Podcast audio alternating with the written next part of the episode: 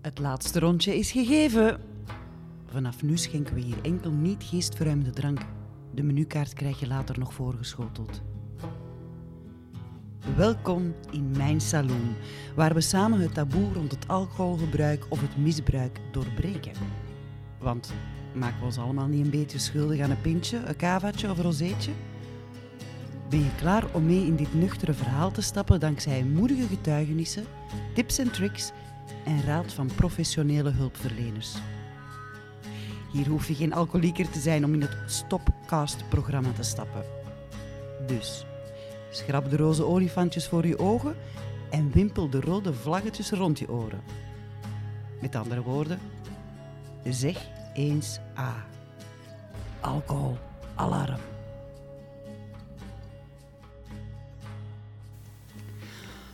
Om aan te tonen dat deze podcast niet enkel mijn zoektocht is, maar ook de jouwe, neem ik je mee in dit verhaal. In vorige afleveringen reikte ik al een hele hoop zorginstanties aan met de nadruk op zorg, nazorg, maar vooral ook zelfzorg. Maar wat als je altijd zorgt voor? Ja, dan heb ik het niet over please-gedrag, want daar kan je aan werken. Maar wat als je professionele zorgverlener bent? Loop je jezelf dan ook niet te vaak voorbij? En dat is wat mijn volgende straffe getuige deed. Dit interview is reeds drie maanden geleden opgenomen, maar naar mijn gevoel moest dit rijpen en hadden we eerst nog andere stappen, afleveringen te delen. Want al snel bleek dat deze aflevering met een tikkeltje extra zorg moest behandelen. Jurgen heeft namelijk Asperger. Dat is een van de vormen van autisme-spectrumstoornis. En dat kwam ik te weten tijdens zijn ontwapenend en openhartige babbel in mijn salon. Nu zelf ben ik niet thuis in deze materie, maar met deze aflevering wil ik aantonen dat ieder uniek is. Ja, ook jij die luistert. En dit syndroom van Jurgen was zeker niet de aanleiding dat hij de fles steeds vaker en vaker aan zijn lippen zette, maar wel de stap in zijn verdere zoektocht naar onderliggende factoren. Ja, nu pretendeer ik ook niet dat er altijd onderliggende factoren moeten zijn. Want dat, lieve, maar ondertussen hopelijk nuchtere luisteraar, dat is weer een ander verhaal. Want dat hou ik je te goed voor volgende week. Want hier zal een kleine teaser. Dan vertelt Evie Hansen over haar boek Sinds ik niet meer drink. En gaan we even helemaal de andere weg op. Maar nu de focus op deze week. Sinds ik of jij niet meer drinkt, ik, de Evie Hendricks, ontmoet ik de meest prachtige, pure en vooral nuchtere personen zoals Jurgen. Ik zou zeggen, luister eens. En ja, Evie Hendricks zou Evie Hendricks niet zijn als ik er nog bij verklap. Jurgen heeft een koffiemachine dat wij allemaal graag zouden hebben. Maar waar je ook luistert, in de auto, tijdens een wandeling met of zonder jouw hond, in de keuken, liefst niet in uw strijkot, maar waar dan ook, dit is dus Jurgen. Dit is zijn verhaal, zijn moedig proces. En dat hij zo open praat met dit autisme-spectrum, dat is een unicum. Daarom, waar je ook luistert, maak een diepe, imaginaire buiging voor hem. Jurgen, een man die elke dag voor ons zorgt, de zorgverlener die zelf zorg nodig had. Uh, Jurgen, vertel eens, uh, wie ben jij en uh, hoe kom jij hier terecht? Zo... Goedemiddag, ja, ik ben Jurgen, 42 jaar. Ik ben een verpleegkundige. Ik heb uh, jarenlang intensieve zorg en spoedgevallen gecombineerd. Um, ik doe nu enkel nog spoedgevallen. Dat heeft heel snel te maken met COVID en ja, welke grote load dat je daarvan hebt gekregen. Dat je ook beslist dat je dat even niet meer wilt doen. Dat stuk van urgentieverpleging. Um, ik heb tot mijn 21 jaar in de Stille Camping gewoond. Dus uh, tussen, tussen de boeren en de varkens. Dat was altijd heel leuk. En uh, op mijn 21ste eigenlijk naar Antwerpen Centrum verhuisd. En daar diverse malen verhuisd geweest. Tot een bepaald moment op een drukke plaats, op de Melkmarkt. The place to be. The place to be, ja. De Muzen is daar bijvoorbeeld. er is nog een volkscafé, ik ben even de naam kwijt, de Pelikaan, denk ik. Just. Je hebt er dan ook nog zo'n een café dat de typische studenten aantrekt met shotjes voor 2 euro. En uh, in het weekend zijn dat de zatte Britten en de Hollanders. Pre-COVID natuurlijk. Ik hoop dat dat ook uh, zijn verandering kent. Ik ben dan eigenlijk bijna drie jaar geleden verhuisd naar het Stille Wilrijk. een stuk deel in, in Wilrijk, niet ver van mijn werk. Um, toen ik 37 was, merkte ik eigenlijk wel dat er een probleem op een treden was.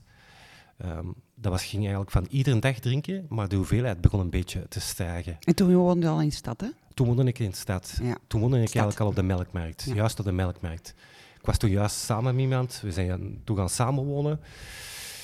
En toen we het appartement waren gaan bekijken, was dat eigenlijk allemaal heel leuk, schoon uitzicht op, recht op de kathedraal. Ehm, maar ik ben iemand die uh, heel moeilijk kan verdragen dat er geluiden zijn als, als je wilt slapen. En met onze shiften, hè, vroege, late nachten, alles door elkaar, wil je graag toch je slaap hebben. En dat begon zoals met een glasje of een pintje of een kriek bij het eten, gedurende een tijd, niet iedere dag eigenlijk. En dat was een Zuid-Franse, dus uh, die zag er familie graag, dus uh, vier keer per jaar naar Zuid-Frankrijk, want die, hun ouder, haar ouders hadden daar een huis met een zwembadje bij, altijd leuk. En ik merkte de laatste keer dat ik daar was, als die een siesta uh, hielden, wat heel leuk is aan uh, die cultuur. De eerste keer dat ik dat zag was heel, heel, heel, grappig. Na het eten vond ik niemand meer, maar die lagen allemaal in een nest. Allemaal goed Die hadden ook een wijnkelder, of Nee, een wijnkelder niet. Die hadden wel veel kaas in de koelkast staan, echt serieus.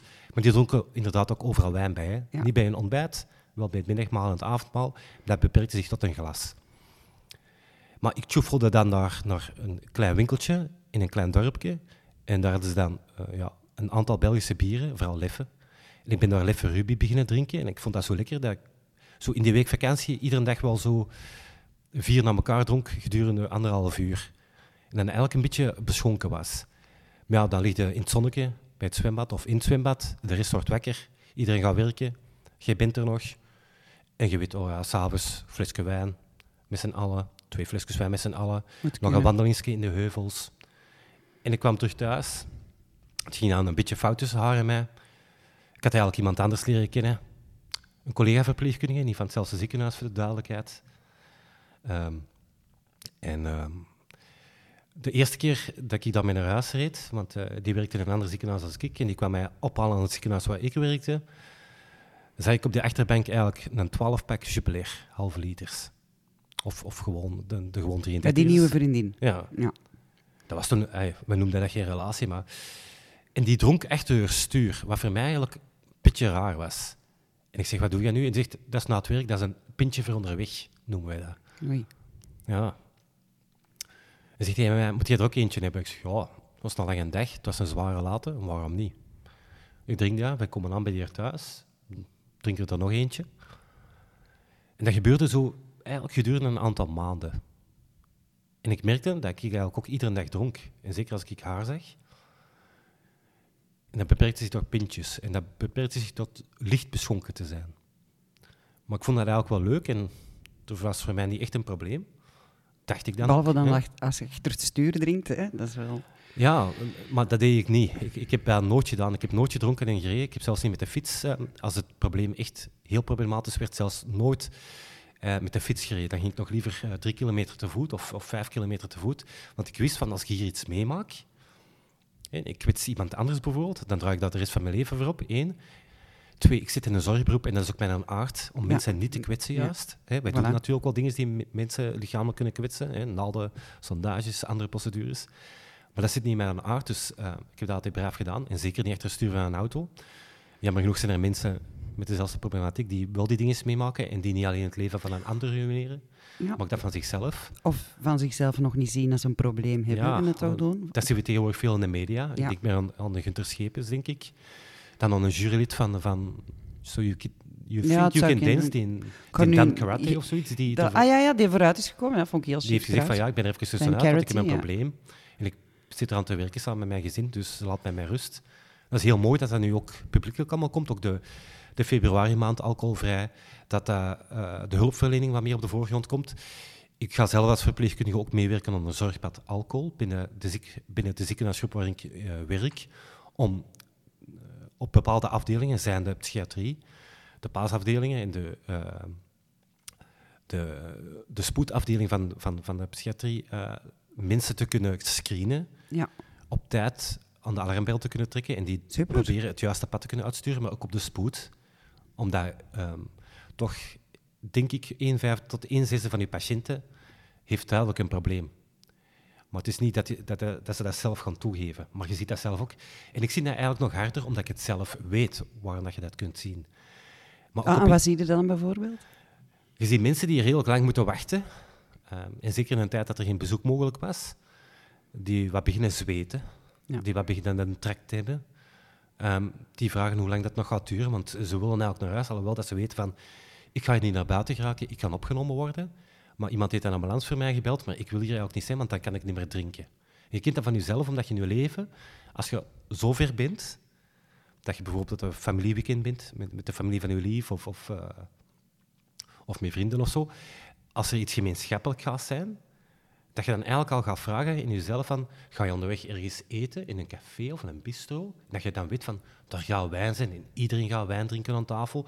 En dan pakken we niet een glas, maar zeggen, we pakken we geen flesje witte of rode ineens. Hè, een flesje, de trucken van de voor. Ja, trucken van de voor.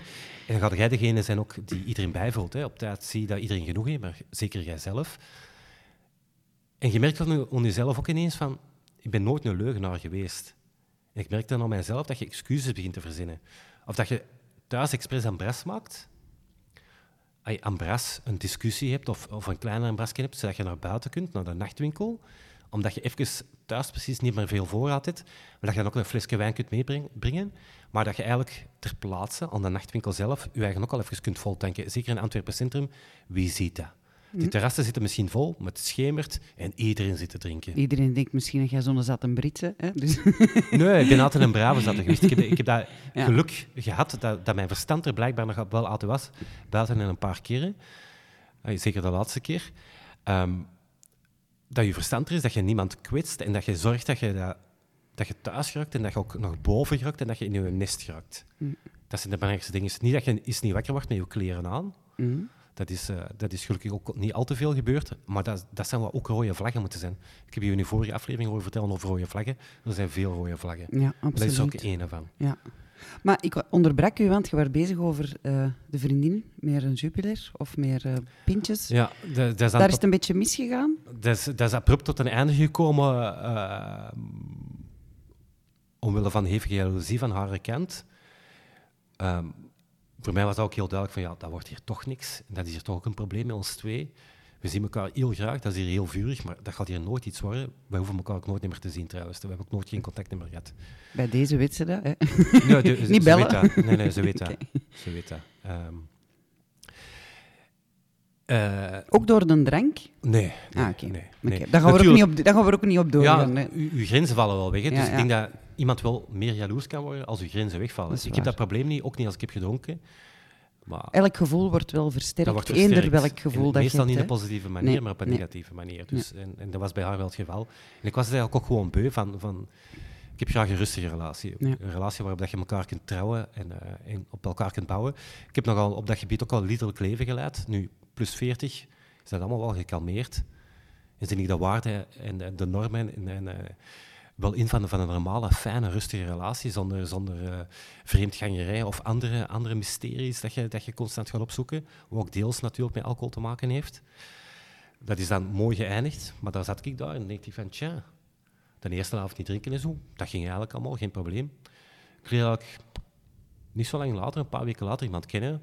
Maar je leert veel mensen kennen. Hè one-night standjes en, en, friends with benefits was in die tijd nog voor mij nog, nog uh, meer de regel als, als, uh, als, als, een excuus. En, um, maar je leert iemand kennen en je denkt, oh ja, dat lijkt mij wel relatiemateriaal, dus hier gaan we wat moeite in steken. Maar die dronk graag wel zijn wijntje bij eten en, en eentje van een tv. Dus je doet toch mee. En dat gaat zo verder. Ja. En ineens besefte ja, deze, nee, ik wil eigenlijk geen relatie. En je stopt ermee. En ik ben op de is opgestaan. Ik zag de fles wijn nog op tafel staan, of op de, de salontafel. En ik denk, oh, er zit nog iets in. Ik voel mij wat verdrietig. Oh, koffieke. Ja, koffie is, koffie is klaar aan het komen. Het machine aan het komen. Je denkt, oh, weet ik heb een droge mond. Ik stok een, een glasje wijn binnen. Dat kan toch geen kwaad, hè? iedereen doet dat wel eens. Je slokt dat binnen. In de namiddag, niet diezelfde dag, maar dat gebeurt zo. Oh, toch zien dat er altijd wijn in is. En dat gaat zo'n aantal maanden door. En op een gegeven moment ben ik s'morgens wakker geworden met een trek, hè, zoals ze zeggen, een bibber eigenlijk, gewoon over je handen. En dan merkte ineens van, tja, kan ik mijn hand gewoon nog niet stil houden voor een glas vast te nemen om dat in te schenken. En je denkt, wat zou voor nu helpen? Maar wat zegt een goede zette? Je moet beginnen met hetgeen waar je mee gestopt bent. Dat is waar. Je denkt, zou dat nu waar zijn? En je drinkt dat glas wijn en binnen de twee minuten is je trek weg. Je voelt de warmte over je komen. En je denkt in je tja, kan dat nu waar zijn? Is het dat? Ben ik nu slecht bezig? Maar op die moment ben je al in ontkenning. Want je denkt, mij overkomt dat niet, ah, ja. trek. Niemand heeft ooit gekozen om op een morgen of een avond wakker te worden en te zeggen, nu word ik een alcoholieker. Mm. Daar heeft niemand ooit voor gekozen. nooit. Nooit of dan nooit. En je beschrijft dat ook niet van jezelf. En je komt thuis van je werk. En ik had twee nachtwinkels over mij. Je denkt in heb ik eigenlijk nog wijn thuis? Ah, ik ben vandaag nog niet in de supermarkt geweest. Ik kan een fles halen, maar je komt binnen en je denkt, zou ik niet beter twee flessen meepakken? Oké, je pakt twee flessen mee. Zondag zie je dat je anderhalf fles leeg hebt en je denkt, oeh, dat is precies veel. Maar je start toen een dag terug mee, ik moet niet werken vandaag, een, een glasje. En je denkt, oeh, die halve fles is ook al leeg. Nachtwinkel twee flessen en dat gaat dan ook weer zo'n tijd door, twee flessen. En dan zit je ineens aan drie flessen op een dag. En toen heb ik beseft van, hier is een probleem. En dan gaat het naar de kratjes? De kratjes, dat is gekomen als... Ehm, als je in de supermarkt zei, wordt de wijn goedkoper dan een nachtwinkel. Met je favoriete merk, want dan drink je nog voor de smaak. Of deels voor de smaak. Maar je merkt dat dat er niet meer is. Ja. En denk je, een kratje, er zit meer in. Er gaat, je gaat inderdaad niet meer voor de smaak, maar voor de hoeveelheid. Ja. want in een fles zit En op een duur wordt het ook kostelijk, dus dan begin je ook een beetje na te denken. Ja, ja. Tuurlijk. Een fles wijn, uh, de goedkoopste denk ik dat, dat, wij, dat ik graag dronk was 7 of 8 euro. Drie, drie op een dag is 21 dat euro. Tikt, dat tikt hoor, hè? Tikt door, hè. Op de dag zelf niet, maar op het moment, op een week is dat meer dan 100 euro. Ja. En een kratje, dat kost bijna evenveel of iets minder nog. En daar zit veel meer in. Ja, sowieso. Uh, ik denk, wat is dat, 4, 5 liter soms? Ja, ja, ja. Plus dat is handig, want dan moet je niet mee naar de glasbak. Ja, ook al? Het, een is PMD, wat er binnenin zit, en het andere is papier dat je kunt samenvouwen en gewoon met je papier buiten zetten. Dus dan doe je dat af en toe eens. En dat kratje blijft wel langer staan. En dan ineens de combinatie van een half vol kratje en drie flessen. En dan denkt de wijn, oei. En dan ineens een goede vriendin die tegen je zegt van, tja, die nog leeg goed kijkt, dat uh, opgestapeld staat ergens in een hoekje en zegt van, is er iets? En je zegt, nee, nee, dat is van een feestje. Ja, ik moet dat nog altijd naar de glasbak doen, ik ben vergeten. En het is niet, ja, een kerstmis ja. Oh ja, als er iets is, zeg het, hè. Nee, nee, er is niks. En het volgende wat je zegt is, heb je goed in een wijntje? Gaan we een terras drinken? Of uh, hier even, hè? Oh ja, terrasje, oké. Je bent vertrokken. Mm. En, waar, en waar, waar is het dan echt dat je zei van... Nu ben ik, behalve die trek, hè, dat is al één signaal, een rode vlag van fout. Dronk je ook alleen? Altijd. Altijd. Op den duur wel, als je in een relatie uh, was of er was niemand bij u als je alleen begint te drinken in een thuissituatie, terwijl je tv zit te kijken of iets anders bent te doen. Of een zwaar, ja. zwaar rode vlag. En waar is het dan echt, echt fout gegaan? Toen ik, ehm, als ik nog in het andere ziekenhuis werkte, dan waar ik nu werkt, uh, werk, dan um, zijn collega op een dag is, dat was ook natuurlijk pre-covid van de mei. Heb je gedronken? Oh, gisteravond het feestje gehad? Ja, je riekt dan alcohol. Dan denk je mij, oei. Het zijn tien rode vlaggen. Dat zijn tien rode vlaggen, ja. En de week erop zegt dezelfde collega nog eens tegen u van, zeg jij weer naar een feestje geweest? Het is donderdag, het feestje is toch pas donderdags? Mm. Dan zegt hij, ja, ja, ja, ja, ik heb gisteren met vrienden iets gedaan en ja, erover gegaan. Ja, dat is nu een tweede keer op een aantal weken tijd. Is, uh, je zegt, ja, ja. En je denkt, ja, doe hè, muntjes meepakken, hè, muntjes meepakken. Of vodka drinken, hè, want daar riekt niemand. Dat zijn mythen, hè, trouwens. Hè. Vodka ruikt wel, hè. Mm. Dus je pakt muntjes mee, hè, en dat gaat een tijd goed dat er iemand anders zo zegt, heb je gedronken? En je kunt eerlijk zeggen nee, want ik dronk nooit niet als ik ging werken, maar ik had wel gedronken de avond van tevoren. Plus je ademt dat uit, dat komt er je poriën, zeker als je aan zo'n hoeveelheid uh, zit. En toen dacht ik, nou, nu moet ik echt ik moet op de rem gaan staan. Ik voelde mij ook niet uh, goed op die moment. Als ik had gedronken, dan voelde niks. Hè. Mm. Dat is ook de bedoeling Verdoofd, van... Hè? Dat is een vlucht, Ja, dat is, dat is inderdaad een vlucht. Dus je denkt er mij, ik moet hier echt een alarmbel gaan trekken. Ik heb een hele goede huisarts. Ik ben aan mijn huisarts geweest en ik gezegd van, dat gaat hier niet. En zegt hij mij, wat is er? Ik zeg, ik drink veel te veel. En hij zegt, hoeveel drinkt hij? Ik zeg, drie flessen op een dag, minstens.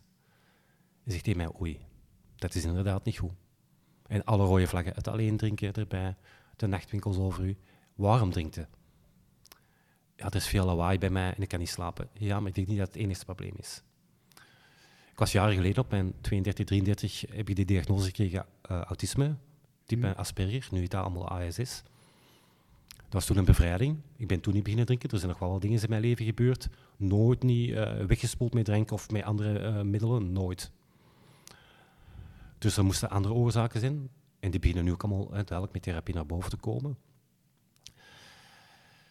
Ik heb mij toen laten opnemen in het ziekenhuis waar ik werkte. Niet op een psychiatrische afdeling, maar op de gastro-entro. Ik heb dat besproken met een dokter die ik zelf ook nog mee heb opgeleid als eerstejaarsassistente, dat een gastroenteroloog is.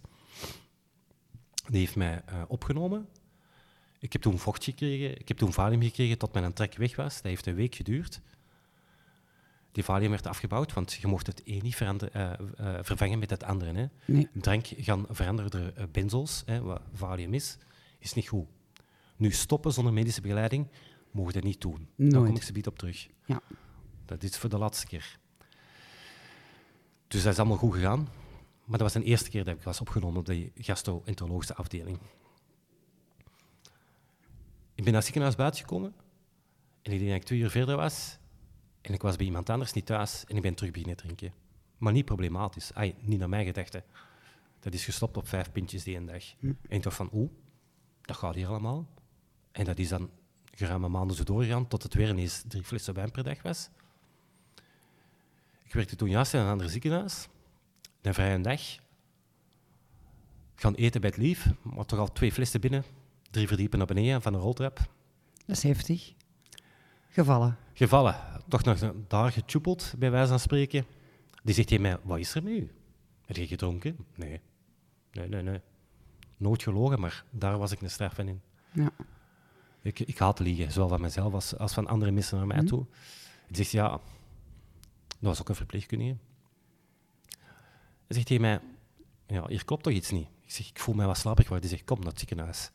Maar ik was eigenlijk al zo ver weg, dat ik niet zeg naar welk ziekenhuis ze mij bracht. En ineens zat ik op mijn eigen spoed. En dat is ook de foto dat in de groep staat. Hm.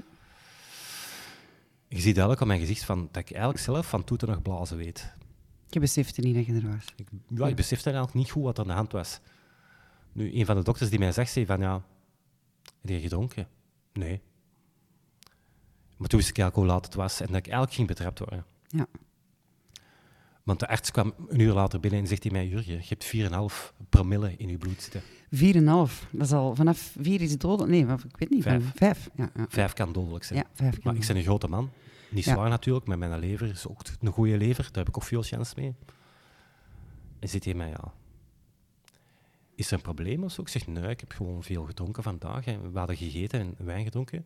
En mijn lief zegt tegen mij, wij waren nog niet in het eten. Ik zeg, en toen? En toen is mijn vriend ook gevallen. We zijn naar huis gegaan. Ik ben ziek geschreven, even. Ik ben terug naar het vorige ziekenhuis waar ik werkte gegaan, terug opgenomen geweest. Dat was dan een aantal dagen opgelost.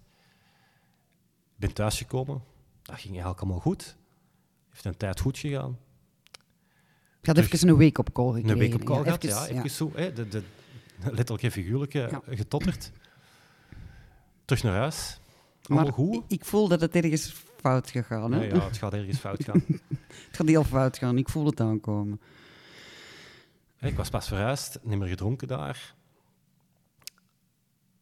En ik zat daar en het was teruggedaan met die vriendin. En ik dacht in mijn eigen, is dat nu iedere keer een trigger voor mij, vrouwen? Ik dacht, nee, dat kan niet. Hij dacht, oh, hier staat nog een flesje wijn. Kan dat wel, zonder probleem. En dan een week uh, binge drinken geweest. Echt uh, laveloos uh, zuipen. Ja, het coma zuipen. dat is een nieuwe, ja, ja. Een nieuwe maar naam. Niet echt coma, nog, nog niet echt coma. Ja. Maar ik wist, ah, dat gaat hier fout, maar ik had nog valium. Ik dacht van, oké, ik ben morgens opgestaan, je moet nu voor jezelf een keuze maken. Want anders wordt dat een derde opname op heel korte tijd. Je gaat nu voor jezelf een keuze maken. Je kent, je kent het schema, je bent zelf medisch geschoold, je weet hoe dat zit. Je mag ook niet drinken en de valium pakken, want dan is het hopeloos verloren. Dat is echt een valkuil, dat mag niemand niet doen. Eerst ontnuchteren, totdat je een trek krijgt, valium nemen. Je blijft een trek hebben, blijven volhouden. Een uur later nog een valium. En ik zit zo om vier valiums per dag, de volgende dag drie per dag, de volgende dag twee per dag, de volgende dag één per dag. Dat was opgelost, gedaan. En dan spreek ik over... Uh, nuchter zijn gedurende twee jaar. Hm. Maar tot vier maanden, bijna vier maanden geleden ben ik na twee jaar COVID en een werkdruk die ongelooflijk hoog was. En dat is een reden dat je aanhaalt, maar dat heeft er wel serieus in meegespeeld. Ik voel mijn vat niet vullen. Dus als mijn vat begint over te lopen, ik voel dat niet. Je voelt dat niet aankomen. Maar je wilt sedatie hebben. En je denkt van, toen ik dronk, dan lukte dat. Ik drink nu al twee jaar niks en kei vier op, mijn, op mijzelf. Dus één glas, dat gaat wel lukken. Een nachtwinkel is wel iets verder weg. Oh, maar dat is een wandelingsje buiten. Zo'n zware later, dat gaat wel lukken. We gaan naar een nachtwinkel. je ziet twee flessen rum staan. Je denkt, oh, hier staan maar twee flessen rum. Maar ja, eentje, eentje reserve en eentje voor een nieuw glas te drinken. Oh ja, een fles Fanta. Voor sommigen kan dat vies uh, klinken, maar Fanta en rum, voor mij smakte dat wel. Heeft dat ook een naam? Dat weet ik niet. Ik denk dat soms niet. die combinaties ja, helemaal speciaal. Dat weet ik eigenlijk niet, maar dat smakte. Ik wil het eigenlijk niet weten. Hoe dat nee, het is dat. Dus half glasje Fanta, een beetje rum erbij, nog een beetje rum, want ik dacht nu dat is wel weinig rustig in de zetel gaan zitten. Die flessen hebben wel twee uur voor mijn neus gestaan, zonder dat ik er iets mee heb gedaan. En... Die best kunnen afblijven. Ja. En toen dacht ik in mijzelf, amai, dat is goed. Hè? Er is drank in huis en je bent er niet aan geweest. Maar goed. En dan gaat het belonen. Dus dan pakte dat half-half glas. Je drinkt ervan, je doet nog een slok. En nog een slok. En ineens is dat glas leeg. Dat is zo'n groot IKEA-glas, hè. Dus dat kent iedereen wel. IKEA kent iedereen, hè. Dat zijn grote glazen. ik, ga, ik ga terug naar mijn keuken. Ik zie die fles rum staan. En de andere fles rum en de fles Fanta staat er in het midden. En denken wij, eentje on the rocks, hè. Huppakee, terug in de zetel. Je drinkt dat leeg. En op 10 minuten is dat leeg. Maar op die moment zegt je lijf tegen je, ah, we hebben nu twee jaar gemist. Daar zijn en de lichten in je kop gaan branden. Hè. Heel je lijf wordt warm en je denkt, dat is hier wel plezant. En je wordt terug vertrokken eigenlijk. Dat is terug vertrokken. Dat was vier maanden. Vier maanden geleden. Vier maanden ja, geleden. Maar dat was na twee jaar nuchter te zijn. Ja. ja. En het volgende wat ik weet, is dat ik dat mijn zus boven mij staat, dat ik een tongbeet heb en dat ik urineverlies heb gehad. Maar wel dat ik in heel mijn uh, comateuze zattigheid, waar die nog wel een SOS-bericht heb gestuurd, help mij. De zorgverlener die zelf hulp nodig heeft. Ja, maar het moeilijkste voor de zorgverlener is om hulp te vragen. Ja, dat kan ik me voorstellen. Ja. Dat zien wij onder... Het is voor iemand die niet in de zorg staat al heel moeilijk om naar buiten te komen, te zeggen van ik heb een probleem, of ik denk dat ik een probleem heb. Wij kennen het probleem, maar wij zitten eigenlijk al in die situatie dat je het gaat onderkennen en ontkennen. Ja. Je herkent alle symptomen, je herkent alle rode vlaggen, maar je herkent ze niet. En dat is voor iedereen die wil stoppen met drinken heel belangrijk. Je moet het zelf vullen. Je moet dat niet doen voor je omgeving. Nee, je moet het voor je eigen doen. Hè? Dat is... Je moet het echt voor jezelf doen, want anders gaat het nooit of dan nooit niet lukken. Je moet niet binnengaan in, op een of andere paasafdeling of een afdeling die specifiek gericht is op uh, verslavingen, omdat je huwelijk een stranden is, of dat je professionele carrière een stranden is, nee, of dat je juist een, een dodelijk auto-ongeval hebt veroorzaakt. Dat moet je niet doen. Want je gaat terug buiten komen en terugdrinken. Zeg, en, sorry dat ik je onderbreek, maar uw zus, wat, uh, wat heeft hij dan gedaan? Want ik krijg ook heel veel reacties van mensen in de omgeving die het wel opmerken en die soms ook niet weten hoe ze moeten reageren. Dit is natuurlijk al een, in een vers stadium dat jij zit. Mm -hmm. Hoe heeft hij gereageerd? Wat heeft hij gedaan? Uh, mijn zus komt ook nog uit van de Kimpen, die woont er ook. Die heeft samen met haar man een heel succesvol bedrijf. Die zegt dat. Uh, die wist ook wat er gebeurde, want die wist dat ik natuurlijk die geschiedenis had. Die heeft mij ook komen bezoeken in het ziekenhuis een aantal keren, hè, mm. toen ik zelf uh, vrijwillig was opgenomen. Dus die jas een gek van de Kempen naar ja. Wilrijk gereden? Ja. ja. ja. Die heeft bij mij in de auto gezet, mijn schoonbroer was erbij, die heeft bij mij in de auto gezet en zei, we gaan met je naar een huisdokter. Oké. Okay. We waren lang onderweg en die is zo verstandig geweest om dat in de Kempen te doen en niet in Antwerpen. Want die zag al dat er iets meer aan de hand was en die dacht van, ja, dat gaat hier niet lukken. Mm. We zijn naar een huisarts gereden in Turnhout, huisartsenwachtpost van Wacht, in volle uh, epidemie natuurlijk. Binnen, na een half uur wachten, mijn zus ligt uit eruit en die zegt, oh, hier, uh, ik schrijf Valium voor uh, enkeleer. En mijn zus zei, nee, nee, nee. Gaan we niet doen. Ik kan die niet thuis terug afzetten nee. zo. Ik kan die thuis niet binnenpakken. Want blijkbaar heb ik het daar thuis nog uitgangen en daar moeten wij binnenkort nog iets aan doen. Mijn zus, ay, mijn zus moet er niks aan doen. ik ga er nog iets aan doen. Die heeft twee pubers, die hebben dat ook allemaal zien gebeuren. Uh, die hebben mij zien vallen, half comateus nog, in hun eigen huis. Met dingen horen zeggen tegen hun zus en tegen zich die helemaal niet oké zijn. Terwijl dat helemaal niet in mijn aard ligt. Die heeft gezegd, wij rijden naar een spoedafdeling. En dat was in turnout dus. Ik heb er altijd stages gedaan, want ik heb mijn basisopleiding in gehad. Ik dacht in mijn eigen, oh, Maar dat viel uiteindelijk wel mee. We komen eerst aan in Sint-Joseph, maar dat was de pediater verwacht voor heel de spoedafdeling. En daar zei ze tegen ons, nee, als dat probleem is, uh, tegen mijn, vrouw, met, je broer, gaat dat mij daar hè, op de ring, naar het ziekenhuis, daar Sint-Elisabeth. Daar uh, zijn meer spoedartsen. En hier is alleen de pediater van wacht. Die is druk bezig op de pediatrieafdeling, dat gaat nog even duren. Maar ik was nog eigenlijk half bezopen, half helemaal bezopen. Dus ik liet alles eigenlijk maar gewoon gebeuren. Sint-Elisabeth binnen de spoedafdeling, in een kamer. Die verpleegkundigen zagen ook al wel direct eigenlijk wat er aan de hand was. Ik kwam niet in een box, maar ik kwam al gelijk op een kamer. Mijn zus kwam bij mij en die begon nuchter te worden. nuchter te worden niet. Ik begon drank nodig te hebben. Nuchter was ik niet. Daar kom ik later ook nog op terug. en ik ben daar rechtjes staan en ik wou buiten. Maar ik ben een brave. ik sta recht op mijn bed en mijn zus zegt tegen mij, wat ga jij doen? Ik zeg, ik ga hier weg. Ik ga hier weg. Mm. En mijn zus zegt, nee, dat gaan we niet doen. En ik luister braaf naar mijn zus. Die duwt op elke kopverpleging en die zegt van, ja, er moet hier iemand, of die moet, die gaat hier zoiets lopen. Oké. Okay. Komen binnen met een temesta. Zegt, stik dat eens onder je tong, dat is een temesta. Ja, tuurlijk, ik wist wat dat was. Ik stik dat onder mijn tong en dat gaat, ik begon het kalmerend effect daarvan te merken. Maar een uur later dacht van, nu, ik, ik, gehad, er was een psychiater bij mij geweest, mm. die heeft met mij gebabbeld. Even later komt een verpleegkundige binnen. Die duwt een covid met een neus. Dan wist ik al hoe laat dat was. Hè. Om te blijven, hè? Om te blijven, maar ik wist ook dat Sint-Elisabeth geen paasafdeling heeft. Mm.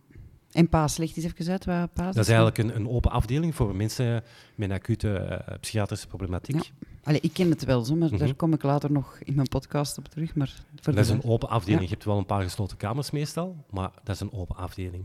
Gesloten afdelingen zijn meestal een EPSI-afdeling, mhm. die echt ook isolatiekamers hebben. Een spoedafdeling heeft ook een isolatiekamer. Um, maar de paas dacht jij, dat gaan we hier niet doen. nee. Dat kan ik niet drinken, hè. dat ga je niet doen. Hè. Ik wou eraan werken op mijn probleem, maar op die moment dacht ik in mijn eigen shit. Niet gedwongen. Allee, niet gedwongen. Nu zit ik in diepe nesten. Ja, ja, ja. En voor, voor je alcohol gaat je alles doen. Dus je denkt van, nee, nee, nee.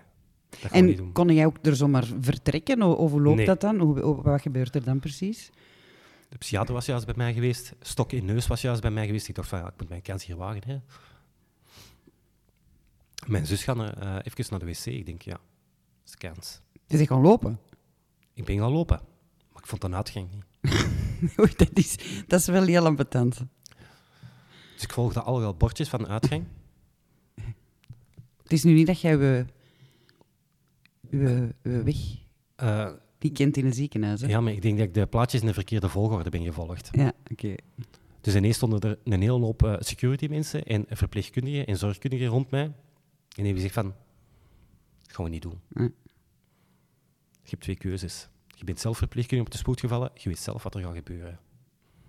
Oftewel gaat je nu rustig blijven, oftewel moeten we isoleren. En als ik één ding weet, en waar ik zelf ook heel omzichtig mee omga in mijn eigen beroep, is mensen in een kamer steken waar je niet uit kunt. En als dat nog niet genoeg is, word je vijf punten gefixeerd. Uw buik, uw polsen, uw enkels. Dat is helemaal niet leuk. Nee. Dus ik ben terug op mijn bed gaan liggen. Twee minuten later was er ook politie. En dan wist ik, oké, ik ben gecolloqueerd. Ehm, een ander woord is vrijwillig, uh, gedwongen opname. Mhm. En toen dacht ik van, ja, oké, het spel zit hier op de wagen. En dan heb ik eigenlijk gewoon alles laten gaan. Mm. En ik dacht van, oké. heb je alles laten over, over ja, ik heb over, het laten overkomen, gewoon alles over mij laten komen. Ik ben dan s'avonds naar uh, Geel uh, getransporteerd, onder politiebegeleiding. Maar dat is gewoon de wet, die moet erbij zijn. Hè? Ja. Niet, niet omdat ik nog stout was of zo. Ik ben er in Geel aangekomen. Uh, ze hebben mij daar welkom gegeten, eten gegeven, op een kamer gezet. En dan kwamen ze af. parameters nemen. Ja. Vooral je bloeddruk is belangrijk, want die gaat ontzettend hoog staan als je bent uh, aan het ontwinnen. Bloed prikken en een urinestaal. Maar dan is er nog iets anders. In mijn specifieke geval moet je ook blazen. Ik was aan het ontwennen en ik begon een trek te krijgen. Ik zei, ja, we gaan u er iets voor kunnen geven, maar we moeten eerst blazen. En ik blies in dat toestel. Dus ik had s morgens nog rap rum binnengekapt, zondagmorgen. En s'avonds, om acht uur s'avonds, blies ik nog boven de 2 per mil.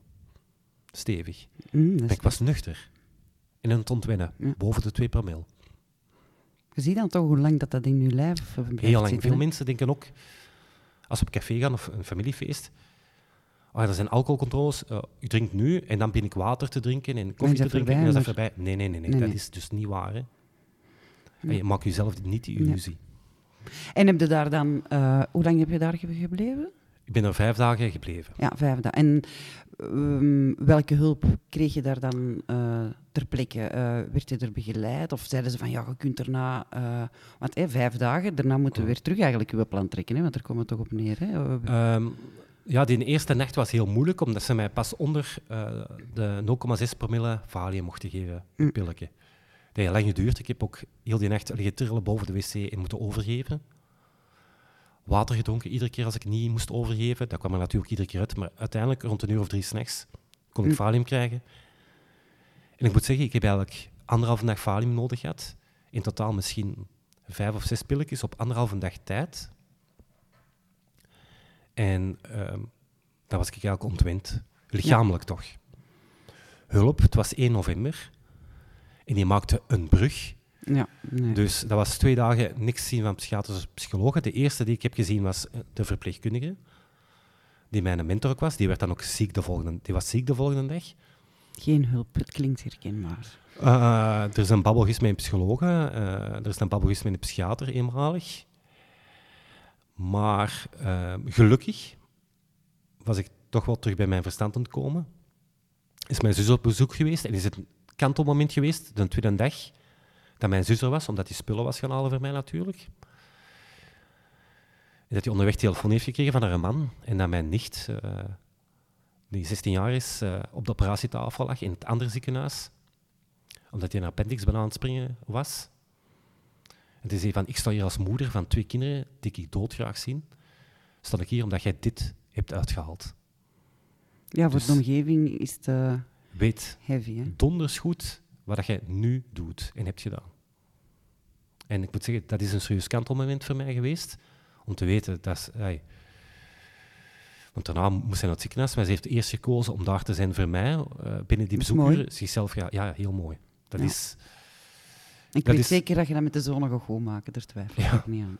Dat is, dat is echt wel de, het moeilijkste moment in mijn leven geweest, denk ik. Dat maar dat kantelmoment, dat hadden we wel nodig. De dat klik. nodig had. Ja, die klik. Die klik.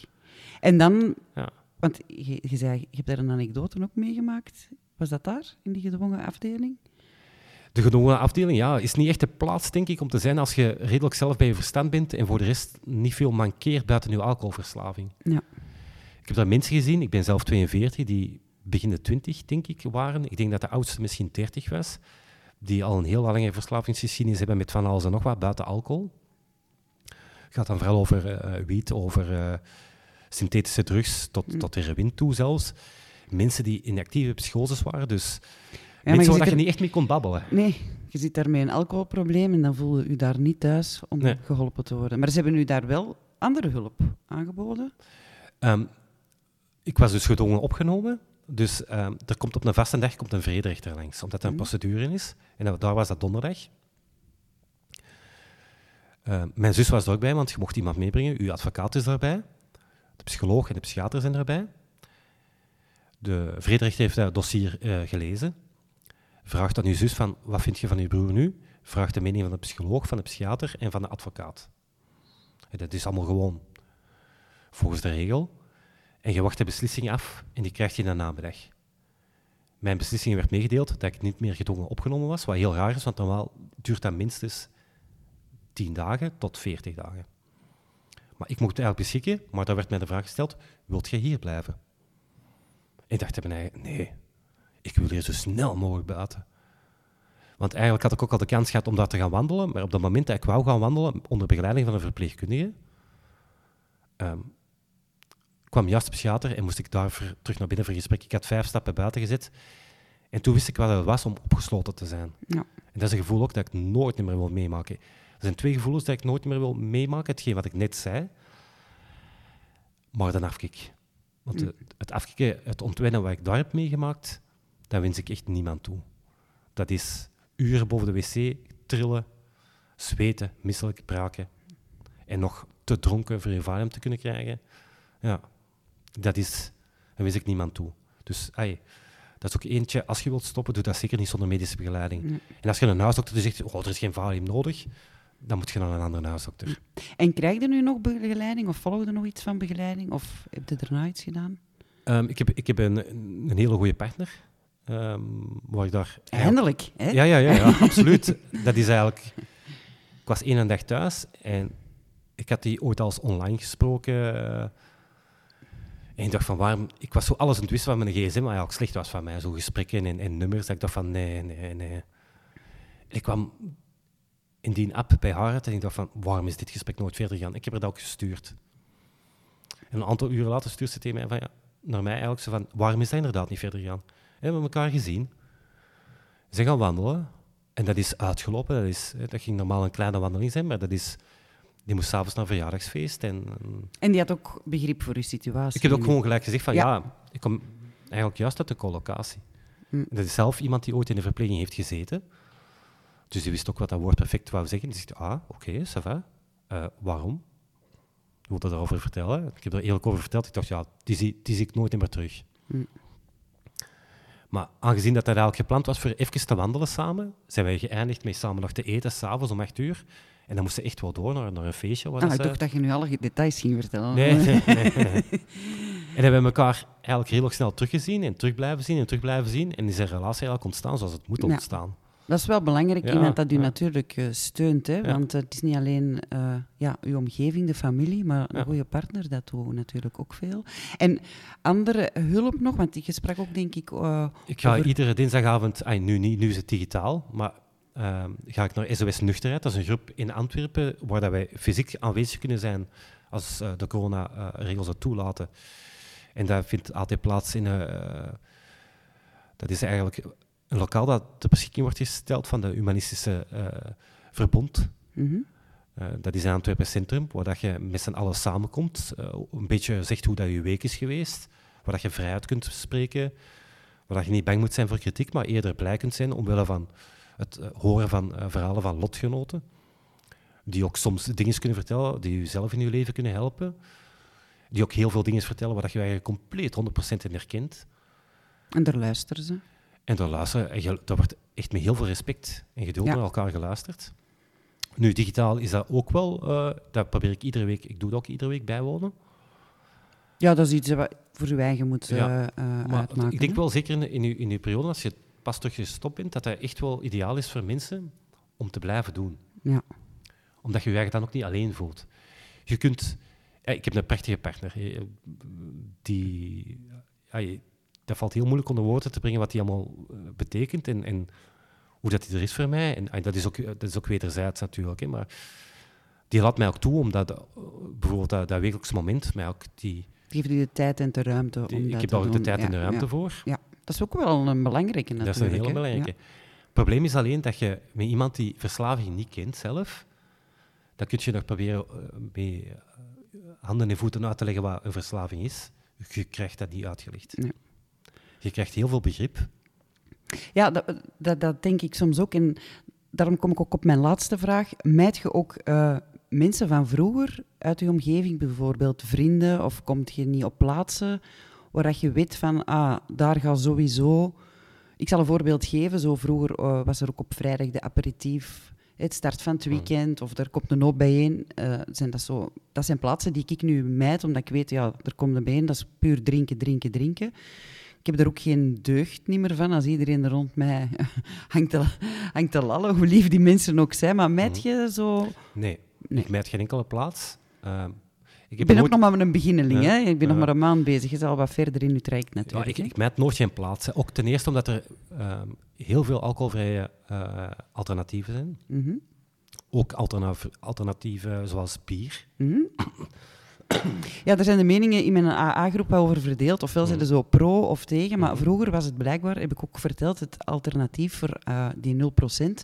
Dat was altijd 0,2 nog. Hè? Dat was niet. En Mhm. daarom uh, zo een deel zegt van ja, nee, want dat uh, leidt terug tot Mhm. alcoholgebruik. En een andere deel zegt nee, nee, 0% is 0%. Die, die mening hebben we binnen SOS Nuchterheid ook. En voor sommigen helpt dat. Ik kan nu zeggen dat dat mij helpt. Ja. Een leffe 0% drinken, als ik een drang voel, ik misleid mijn hersenen. En dat leffe 0%, en dat is echt 0%, dat is niet 0,2 of 0,3, dat is echt 0%. Ja, nu is dat zo. Hè. Vroeger Ja. was dat niet zo blijkbaar. Hè. Ja. Dat helpt mij. Ja, ah, wel. Dat, het helpt ook gewoon als je een drang hebt om dat gewoon over te laten komen. Ja. Om niet te vechten. Ja. Om daar niet tegen te vechten, want dat gaat niet uithalen. Dat ja, ik ben ook pro, zo. Ik ben ook pro. Maar uh, ik hoor dus uh, de leffe, dat dat uw uh, 0%... Ja, het smaakt ook zoals... Ah, wel, het, het, ze verbeteren Ja. ook altijd. Hè, want Ja. in het begin, uh, de drankjes 0%.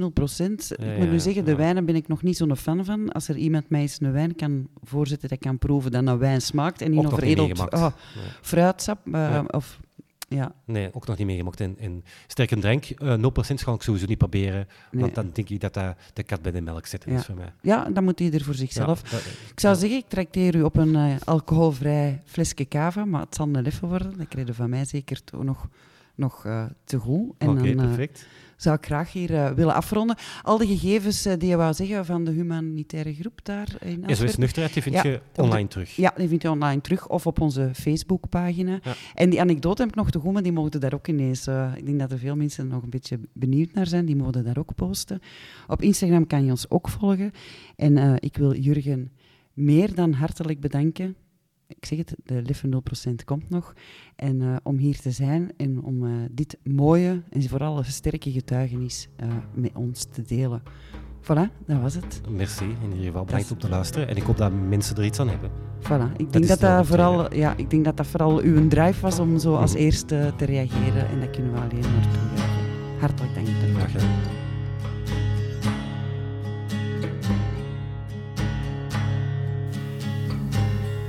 Zo, en als trouwe luisteraar moet je al weten, in aflevering 8 komt SOS Nuchterheid helemaal aan bod. Ik geef ook volledig het woord. En natuurlijk vind je al hun informatie terug in de bio van die aflevering. Als afsluiter reikt Jurgen het gedicht Bluebird van Bukowski aan. Ben even gaan zoeken en de, de bluebird, in het Nederlands vertaald, is dat Cialia. Dat zijn een groep middelgrote zangvogels van de lijsterfamilie. Die komt vooral voor in Amerika. En die bluebird die staat symbool voor hoop, liefde en vernieuwing. En die maakt ook deel uit van veel Indiaanse legendes. Nu, het symboliseert de essentie van het leven en schoonheid. Dat klinkt al goed, hè? Nu, nog beter, als je droomt van een bluebird, dat staat voor geluk, vreugde, vervulling, hoop, voorspoed en zoveel meer. En ik ben nog een beetje dieper gaan graven, want die bluebird dat wordt heel vaak gebruikt in songteksten. Zo kwam ik aan het ondergewaardeerde nummer van Paul McCartney. Uh, in zijn Wings-periode schreef hij dat vlak na de Beatles in de jaren 70. En dat was helemaal gewijd aan de bluebird. En ook hier wordt gesteld dat McCartney dat als metafoor zou gebruiken voor vrijheid. Het zou een persoonlijk nummer zijn, um, want uh, voor McCartney was dat een heel zware periode, uh, waar hij verwijst dat hij op zoek was om de draad terug in zijn leven op te pakken. Nu, een andere zangeres, u misschien ook wel bekend, Vera Lynn, Britse zangeres, die vooral in de Tweede Wereldoorlog grote bekendheid verwierf, zij zong Bluebirds over the White Cliffs of Dover. En waarom bluebirds? Deze grasmussen zijn inheems in Amerika en ze zouden nooit in de buurt van Dover worden gezien. Eigenlijk een soort van bevrijdingslied. Nu even terug de focus op die Charles Bukowski. Uh, dat is uh, een van zijn meesterwerken ook, want Bukowski die schrijft altijd heel recht toe, recht aan, keihard. En ook dit is nogal een hartverscheurend gedicht. Ook wel een literair schot in de roos. Het is eigenlijk een, uh, hoe moet ik het zeggen, een hyperdosis realiteit, om het zo te zeggen. En in dit gedicht spreekt Bukowski over een Cialia, een bluebird, in zijn hart. Dit gedicht vertegenwoordigt zijn kwetsbaarheid naar aanleiding van de mishandeling van zijn vader. Ik zou zeggen, vul jij je kwetsbaarheid maar voor jezelf in. En graag wens ik je een zacht luistergenot en natuurlijk sweet dreams over de bluebird.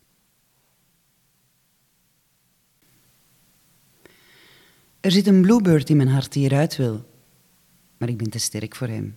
Ik zeg, blijf erin. Ik ben niet van plan iemand jou te laten zien. Er zit een bluebird in mijn hart die eruit wil.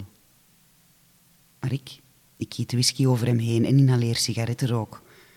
En de hoeren en de barkeepers en de bedienden van de kruidenierszaak zullen nooit weten dat hij daar binnenin zit.